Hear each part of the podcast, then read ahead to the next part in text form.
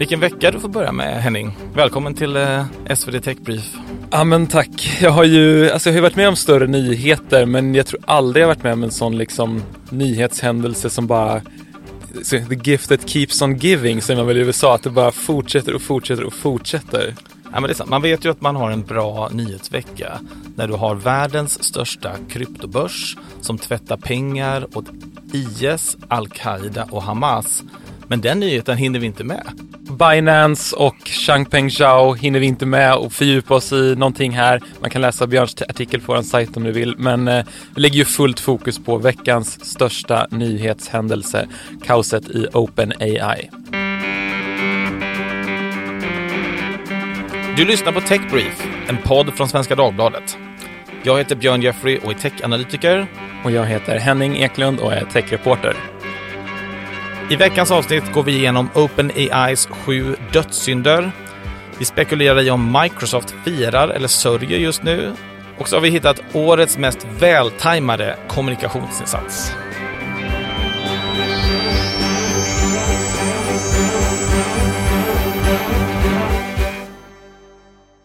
Sam Altman is out as CEO of OpenAI. We just got this announcement. Former o- OpenAI CEO Sam Altman is joining Microsoft. Nearly all of OpenAI's employees are threatening to now leave the company. He is back at the top of OpenAI.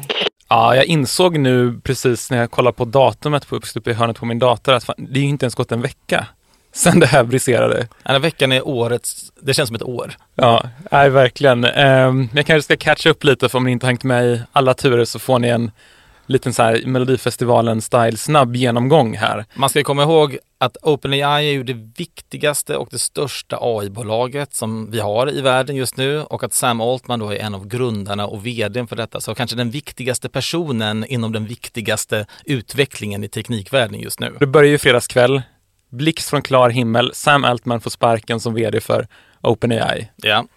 Och sen i helgen så försökte jag liksom famla i kaoset. Vad var det som hände? Varför sparkades han? Och det kom ju liksom aldrig någon riktigt bra förklaring och har väl egentligen fortfarande inte gjort det. Det har kommit lite små indikationer typ att styrelsen har sagt att Sam Altman inte varit helt ärlig i sin kommunikation. Men vi vet ju inte riktigt varför de har gjort så här ändå. I alla fall så fortsätter det snabbt till att Microsoft, som har investerat jättemycket pengar i OpenAI, säger att Sam Altman och ett antal andra nyckelpersoner får jobb där. Så de skulle gå över till Microsoft. Det kom en namninsamling där typ 90 procent av de anställda på OpenAI hotade. Vi tänker följa med dem till Microsoft om ni inte tar tillbaka Altman som vd. Och här står det liksom och vägde tidigare i veckan. Skulle OpenAI mer eller mindre gå under?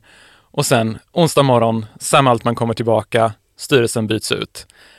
Där står vi nu om det inte har hänt någonting medan vi spelar in här. Det är mycket möjligt. Fast det kanske är natt i Kalifornien i och för sig. Har, varje morgon så har det ju hänt någonting svensk tid, det vill säga precis på slutet innan hela OpenAI-gänget går och lägger sig. Då lägger de ut någonting på Twitter, massa emojis och hjärtan och nu är allting löst och sen så kommer en ny dramatik dagen efter. Så det, var, det var en otacksam vecka att spela in podd kan man säga. Allt fokus har egentligen varit på den här liksom, eh, maktkampen och spelet mellan styrelsen å ena sidan och bolagets operativa ledning med Sam Altman i spetsen.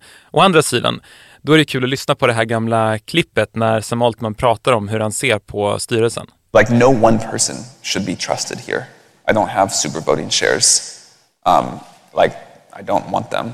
The board can fire me. I think that's important. I think the board over time needs to get like democratized to all of humanity. There's many ways that could be implemented. Alltså jag gillar hur han bara så här, i förbifartens lite överslätande säger att eh, styrelsen ska på sikt vara hela mänskligheten. Det är liksom inget konstigt, han säger det väldigt snabbt. Det är skönt under de här omständigheterna att det inte var det just nu i alla fall, för då tror jag att det hade tagit längre än tid än fem dagar. Men att vara ledande, nyhetsledande i den här, den här veckan har ju varit ganska svårt. Så att istället har vi liksom hittat ett annat sätt, Henning, vad vi ska prata om det här. Jag tänkte vi skulle titta på sju dödssynder och vilken roll som de har spelat under den här veckan för att lite fånga upp underligheter, konstigheter som har hänt under den här veckan.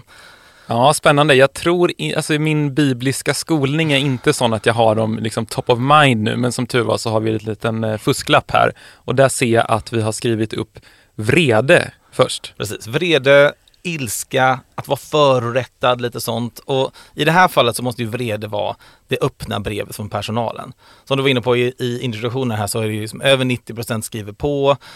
egentligen vill de ju ha bevis. Hela personalen vill ju ha bevis och säga så här, om ni ska säga upp eh, vår VD så vill vi veta varför. Och det var ingen som egentligen ville säga det. Um, det var en, en kul riskkapitalist som heter Ashley Mayer. Hon skrev en rolig tweet som sa att det här är en ny nivå av lojalitet. Det vill säga, jag skulle hellre jobba på Microsoft än att svika min VD. Vilket kanske är liksom, det blir nästa nivå av liksom lojalitetstest för startup-anställda. Verkligen, vilken uppoffring att gå till Microsoft låter det som där. Eh, nästa dödssynd, vi hoppar vidare till högmod självhävdelse och att man utmanar ödet för mycket. Det kan man ju säga att det är fler personer som har, som har gjort den här veckan, men vi har valt att eh, fokusera här på Ilja Sutskever med en liten reservation för uttalet där eh, den här chefsforskaren på OpenAI som också sitter i styrelsen och som verkar ha trott att han har kunnat kuppa bort den nuvarande ledningen. Enligt massa olika medieuppgifter så är det han som har liksom lett den här falangen som ville avsätta Altman och han var ju också med och fattade beslut om det. Eh, och exakt varför han gjorde det så är vi inte helt säkra på, men det framgår av olika medieuppgifter att han har varit liksom mer och mer övertygad om att AGI är på väg det här begreppet som alla i AI-världen pratar om, artificiell generell intelligens, alltså en artificiell intelligens som är så mycket smartare än en människa. Och att det här ska ha gjort honom ganska nervös och fokuserat väldigt mycket på säkerheten och drivit på fokus för riskminimering och att det är där han liksom ska ha clashat med Sam Altman. Men eh, högmod går före fall visade sig och nu säger han att han har ångrat sig. Ja, men nästa dödssynd blir vällust. Det vill säga att man lever i lust, det finns inga moraliska tveksamheter. Eh, I det här fallet så blir det ju definitivt effektiv altruism, det här liksom ska man säga, politiska fil, eh, politisk filosofibegreppet som dyker upp eh, väldigt mycket i boken om Sam Bankman-Fried och FTX. De är ju, han är ju en effektiv altruist. Nästan alla han anställde var det. Så även lite i det här fallet. Styrelsen i väldigt hög utsträckning eh, är på något vis kopplade till detta. Eh, vi kan lyssna på hur eh, faktiskt styrelsemedlemmen, eller ska vi säga den före detta styrelsemedlemmen numera, Helen Toner, beskriver det här and effective altruism is about thinking about not just how to make a difference, but how to make the biggest difference that each of us can. Ja, vad hon menar egentligen är ju att man kan i princip motivera vilken handling som helst så länge syftet med det är gott någonstans. Det vill säga, jag behöver inte hjälpa någon här och nu, men jag kan istället tjäna en massa pengar så att jag blir bättre på att hjälpa någon vid, vid ett tillfälle längre fram. Så egentligen så, så blir det, ja, leva i lust kanske är att ta i, men det finns ju absolut ingen moralisk tveksamhet hos de här människorna som är effektiva altruister. Ehm, den här är ju liksom en lång, ganska komplicerad sak att förklara, men att det har spelat in i styrelsens liksom, tankar här, den, det står helt glasklart att det är en del av det. A lot can happen in the next three years. Like a chatbot maybe your new best friend. But what won't change? Needing health insurance. United Healthcare Tri Term Medical Plans are available for these changing times. Underwritten by Golden Rule Insurance Company, they offer budget friendly, flexible coverage for people who are in between jobs or missed open enrollment. The plans last nearly three years in some states, with access to a nationwide network of doctors and hospitals. So, for whatever tomorrow brings, United Healthcare Tri Term Medical Plans may be for you. Learn more at uh1.com. men vi går alltså igenom de sju dödssynderna på OpenAI. Vi är på nummer fyra och eh, vilken är det Henning? Ja, men nu hoppar vi in på avund, alltså önskan att ha vad andra har och det har ju blivit väldigt tydligt som ett liksom en skadad antilop på savannen börjar halta så börjar liksom gamarna cirkulera över OpenAI i det här fallet och då tänker jag på konkurrenterna som varit ute efter deras personal framför allt. Liksom så fort det här briserade så var Salesforce vd till exempel, Mark Benioff ute på Twitter och säger jag matchar din lön, jag matchar din kompensation, mejla ditt CV direkt till mig, liksom CEO at salesforce.com. Det är väl inte så många rekryteringar som brukar gå den vägen, tänker jag. Han är otroligt thirsty, Mark Benioff. Ja, verkligen. Men han var inte ensam. Till exempel Nvidia var ute också och eh, lockade med Warm GPUs for you on a cold winter night. Så det är kul att se hur man eh, försöker locka AI-nördar till sitt bolag. Okay. Nummer fem, frosseri, det vill säga att man tar mer än vad man behöver. Detta kommer ju tillbaka till Sam Altman själv. Ehm, I mycket av spekulationerna innan så hörde man att Sam Altman hade varit eh, i Mellanöstern och försökt ta in pengar till ett stort chipbolag. Det var lite otydligt om detta chipbolag skulle vara kopplat till OpenAI eller om det inte var det. Det snackades om att han hade höll på att resa en egen riskkapitalfond Och generellt var det oro tror jag att hela OpenAI håller på att bli överkommersialiserat. Eh, mycket av kärnfrågan har varit balansen mellan precis detta. Ska vi kommersialisera så att vi har mycket pengar så vi har råd att fortsätta forska? Eller ska vi vara försiktiga med kommersialiseringen så att inte den får oss att ta dåliga beslut kring det som en potentiellt sett rätt viktig fråga? Ja, man måste ju komma ihåg här att OpenAI är en liten konstig hybrid mellan å ena sidan ett liksom non-profit forskningslabb och å andra sidan ett vinstdrivande företag. Så det blir ju en, den här krocken verkligen. Precis. Ja, men nästa dödssynd är lättja, lathet, motvilja och anstränga sig. Och i den här historien är det ju solklart att det måste representeras av OpenAIs användare.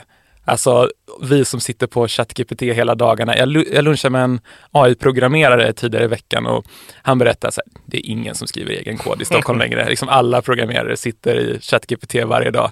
Han funderar på om de skulle börja på jobbintervjuerna och liksom be någon demonstrera hur man använder ChatGPT, i alla fall fråga liksom hur bra är det på att använda ChatGPT för att skriva kod. Och jag sitter här på redaktionen och bara hoppas på att snart kan jag sluta skriva artiklar. Men eh, det kändes ju lite som att allt det här var i fara i veckan så. OpenAI, skulle de liksom börja kollapsa? Ska jag behöva skriva min egen kod? Kanske programmerarna satt och tänkte. Men eh, där verkar ju faran lite vara över nu i alla fall. Thank God för det. Sista dödssynden, nummer sju, girighet. Ett omättligt begär av pengar. Det finns nog ganska mycket av i den här storyn, egentligen på olika håll. Men framförallt tänkte vi prata om det som kallas för ett tender offer. På grund av den här konstiga strukturen så är det lite svårt att sälja sina aktier. Det finns inga riktigt som kan köpa dem heller.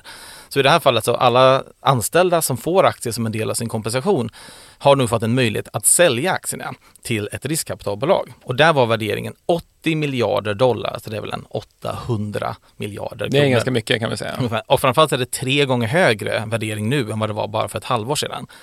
Den här processen höll ju, den var mitt i den när allt det här hände.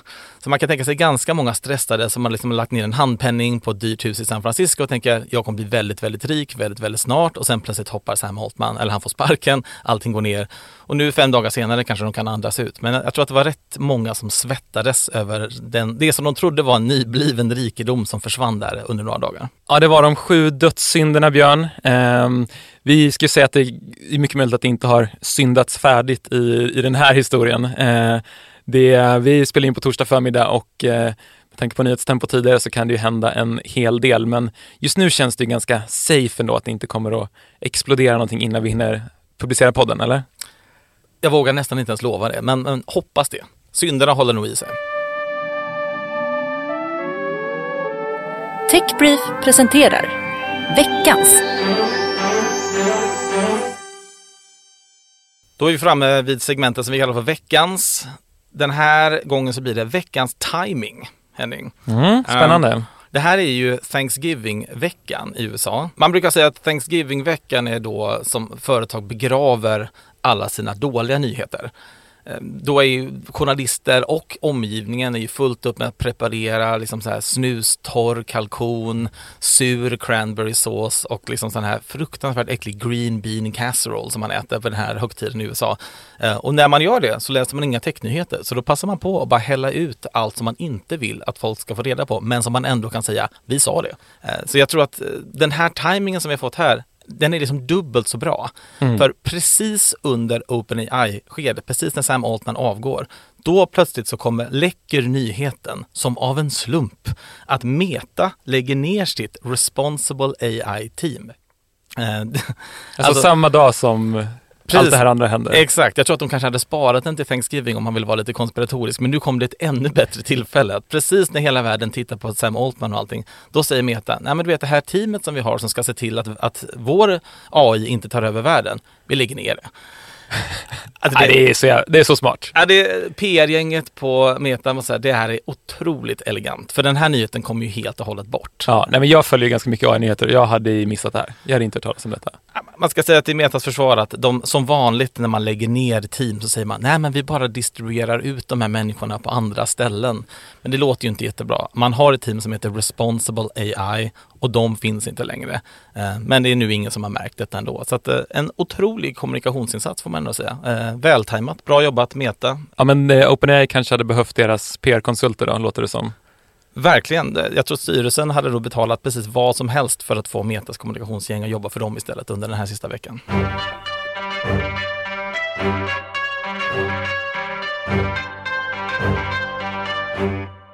I vanliga fall så har vi ju två olika ämnen men det känns lite svårt att lämna det här helt och hållet än så länge. Därför har vi liksom tagit en liten annan twist på hur vi ska liksom prata om det i det här andra segmentet. Sam Altman är nu tillbaka på OpenAI igen efter den här fem dagars karusellen. Men en annan liksom väldigt viktig, låt oss säga biroll, kanske lite raljant, är ju Microsoft. Ehm, de har ju både då finansierat majoriteten av den här utvecklingen och äger ju då 49% av den kommersiella delen av OpenAI. Ehm, så vi tänkte vi skulle titta lite på dem.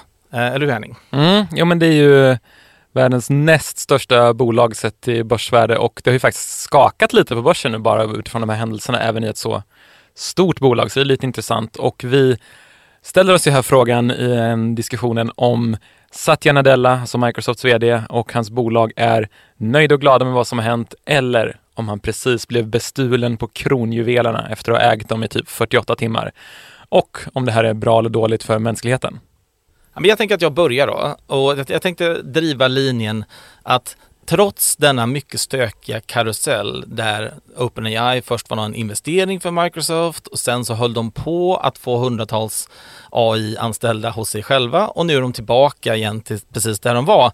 Att det här egentligen har varit ganska bra för Microsoft. Mm -hmm. Modigt. Ja, jag börjar med detta. Jag lånade det här liksom resonemanget från eh, faktiskt en, en eh, tech-vd som heter Matthew Prince som är vd på Cloudflare som är ett CDN-bolag.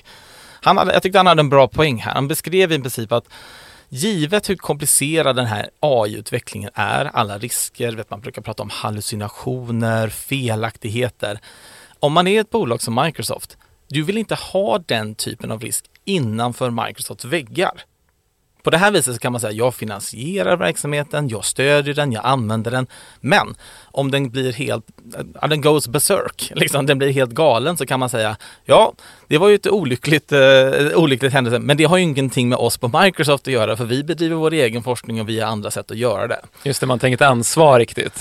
Eller man behöver inte göra det i alla fall. På något vis när du har det utanför så får du liksom det bästa av båda världar. När det går bra för OpenAI så kan du liksom ta på dig eh, äran och säga jag finansierar att det här har gått jättebra. Men när det går dåligt så kan du liksom distansera dig ganska ordentligt och säga ja ah, men det där, nu har det hänt någonting där, de, de får ingen ordning på det, vi jobbar ju inte där, det här är inte vårt projekt utan vi har bara finansierat den här forskningen och så vidare. Så att på ett sätt så riskminimerar han ju ganska bra genom att hålla det utanför jag ska säga, Microsofts väggar. Mm, jag ska inte säga emot den, jag låter dig uh, prata klart. Ja, men det, finns, och det finns ytterligare då dimensioner på detta. Dels kan man fundera på, kan stora bolag utveckla den här typen av saker lika snabbt som små bolag? Det här är egentligen frågan som hela Silicon Valley ställer sig varje dag och har gjort det de sista liksom, 30 åren. Kan startup liksom jobba i samma tempo som stora bolag och vice versa? Den generella känslan är väl så här, små bolag jobbar snabbare. Men det är också för att de rundar saker mycket oftare. De, de, de, de, de behöver, har inte processer och tråkiga möten på samma sätt. Och nu när personalen stannar på OpenAI så kan man tänka sig att hastigheten uppehålls, de kan hålla samma tempo som tidigare och de dras inte ner i liksom Microsofts corporate långsamhet som man kanske upplever. Och det sista skälet är, det kan vara svårt att behålla den här typen av personal. För även då om alla de här 700 OpenAI-medarbetarna hade börjat på Microsoft, det är ju en väldigt liksom annan typ av miljö att jobba på den typen av storbolag. Så frågan är, tre år senare, hade de varit kvar? Eller hade de sagt upp sig och joinat en ny, det som kändes som nästa OpenAI? Och om det hade varit fallet, då har ju Microsoft förlorat hela tillgången till den talangen. Så att egentligen, trots allt detta, kanske ganska nöjda med utfallet. Mm. Ja, men eh, då kan jag svara med en lite härskarteknik i frasen. Jag hör vad du säger Björn. Eh, men, eh, men jag har ju fokuserat här på det här är ju kast för Microsoft. Eh, Satya Nadella hade kronjuvelerna i 48 timmar ungefär. När Sam Altman skulle lämna OpenAI, det såg ut som ett riktigt guldläge. Han skulle ta med sig ett antal av de liksom högsta cheferna, nyckelpersonerna där Microsoft har redan ganska långtgående IP-rättigheter, alltså liksom tillgång till koden och så vidare. Så att det, det, skulle ju i princip ha blivit, i och med det här öppna brevet också, när så mycket av personalen såg ut att gå över, det skulle ju i princip ha blivit som att Microsoft hade kunnat ta över OpenAI. Det hade inte bara gått över en natt, det hade ju varit, tagit tid, det hade varit lite jobbigt, men så här, att inkorporera det här i, i Microsoft, alltså vilken dröm. Och det hade ju aldrig gått annars. Det hade ju dels varit svindyrt, du nämnde ju en värdering mm. på typ 800 miljarder kronor, men också det är ingen liksom, konkurrensmyndighet i världen som hade godkänt att Microsoft ska svälja OpenAI. Se bara hur mycket strul det blev när de skulle köpa Activision Blizzard. Och det hade ju tagit flera år. Mm. Hur det såg ut som liksom på någon dag bara ta över liksom världens hetaste AI-bolag, alla toppnamn. Wow. Um, så blev det ju inte. De här kronjuvelerna föll ur Nadellas hand, men jag tror ändå att han är helt okej okay nöjd. Alltså, det blev ju Microsoft i ett bättre läge nu än det var i fredags eh, innan det här hände då. Att idealisterna och altruisterna i styrelsen verkar vara borta. Antagligen blir det en styrelseplats för Microsoft, kanske för Sam Altman också. Eh, och det lär ju innebära liksom tätare samarbete med, mellan OpenAI och Microsoft. Så du tycker han, det här var en dålig utveckling för Microsoft, men han kanske är lite bättre nu än vad han hade i fredags? Jag tror att han tycker det är skönt att bli av med idealister och effektiva altruister i styrelsen. Spring, is that you? Warmer temps mean new Allbirds styles. Meet the Superlight Collection, the lightest ever shoes from Allbirds, now in fresh colors. These must have travel shoes have a lighter than air feel and barely their fit that made them the most packable shoes ever. That means more comfort and less baggage. Try the Superlight Tree Runner with a cushy foam midsole and breathable eucalyptus fiber upper. Plus, they're comfy right out of the box. So, what can you do in a superlight shoe? What can't you do is the better question. And because they're super packable, the real question is, where are you taking them? Experience how Allbirds redefines comfort. Visit allbirds.com and use code SUPER24 for a free pair of socks with a purchase of $48 or more. That's A-L-L-B-I-R-D-S.com, code SUPER24. Ja, men den större frågan då, är det här bra för mänskligheten? Är det bra för startup-ekosystemet? Är det bra för världen i stort?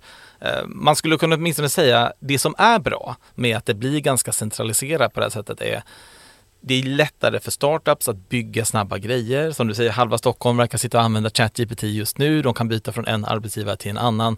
Det finns en tydlighet och det går väldigt fort. När det finns få spelare, tänk liksom en App Store, Google-sök, alla vet hur det fungerar. Det är väldigt enkelt att använda det, man anpassar sig efter den typen av miljö.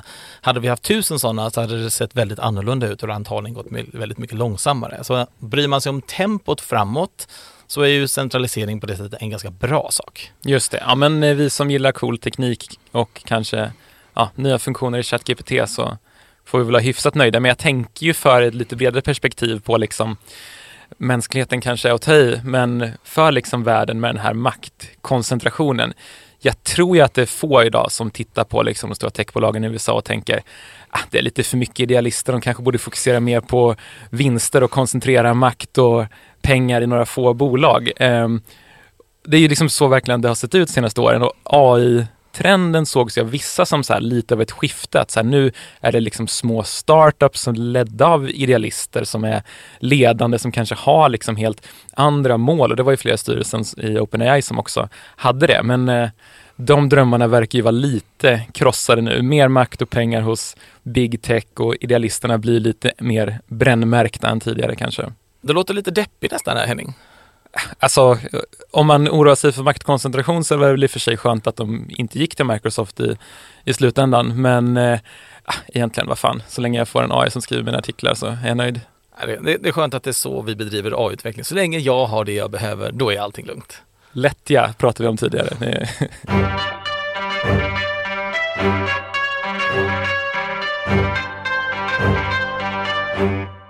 Ja, vi brukar ju avsluta med ett eh, tips till er lyssnare, men den här veckan har vi ett lite mer specifikt riktat tips. Jag var nämligen på ett eh, event här tidigare i veckan som vi kan lyssna på lite ifrån. We believe in the force of doing what we do right now, which is come together. And that's also why we launched Capital of Tech. Ja, jag var på Stockholms handelskammare och deras nya kampanj Capital of Tech. En ganska anspråksfull titel får man kanske säga. Ja, men det får man väl kan man säga om, om Stockholm. Liksom. Speciellt då när man då har en panelist som till exempel kommer från OpenAI direkt från San Francisco, en amerikan som fick svara på det här och var lite så här, ja, ni har ju kommit långt i Stockholm, men eh, kanske inte riktigt på San Franciscos nivå. Och en annan paneldeltagare från Spotify som sa så här, nej, men vi kan ju inte anställa liksom, ja, vi kan inte starta AI-projekt i Stockholm för att det inte finns folk här. Vi måste ju göra det i USA istället. Jag tänker att jobba på OpenAI, världens mittpunkt för AI-utveckling och så hamnar du i Stockholm i en panel eh, för att prata om, vad var det handlade om ens? Eh, ja, men om AI-kompetensförsörjning Det låter som ett kort samtal i Stockholm tycker jag.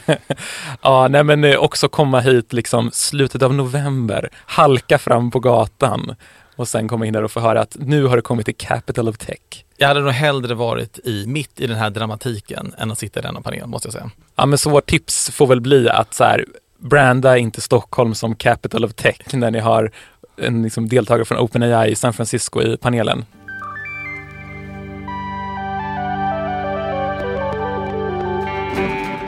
Du har lyssnat på Techbrief från Svenska Dagbladet. I studion denna vecka var jag, John Jeffrey och Henning Eklund. Producent var Marcus Morey Haldin, redaktör Claes Lönegård och vår snygga bild gjordes av Liv Videll. Vignettmusiken gjordes av Stefan Storm. I redaktionen ingår även Madeleine Levi, Daniel Persson Mora, Erik Wisterberg, Sofia Sinclair och Louise Andrén Meiton. Ljudklippen i podden kom från Yahoo, CNBC, CNN, TEDx och Stockholms handelskammare. Ansvarig utgivare är Martin Ahlqvist. Om ni vill nå oss får ni gärna mejla på techbrief.svd.se. Ni får också gärna signa upp på vårt nyhetsbrev med samma namn.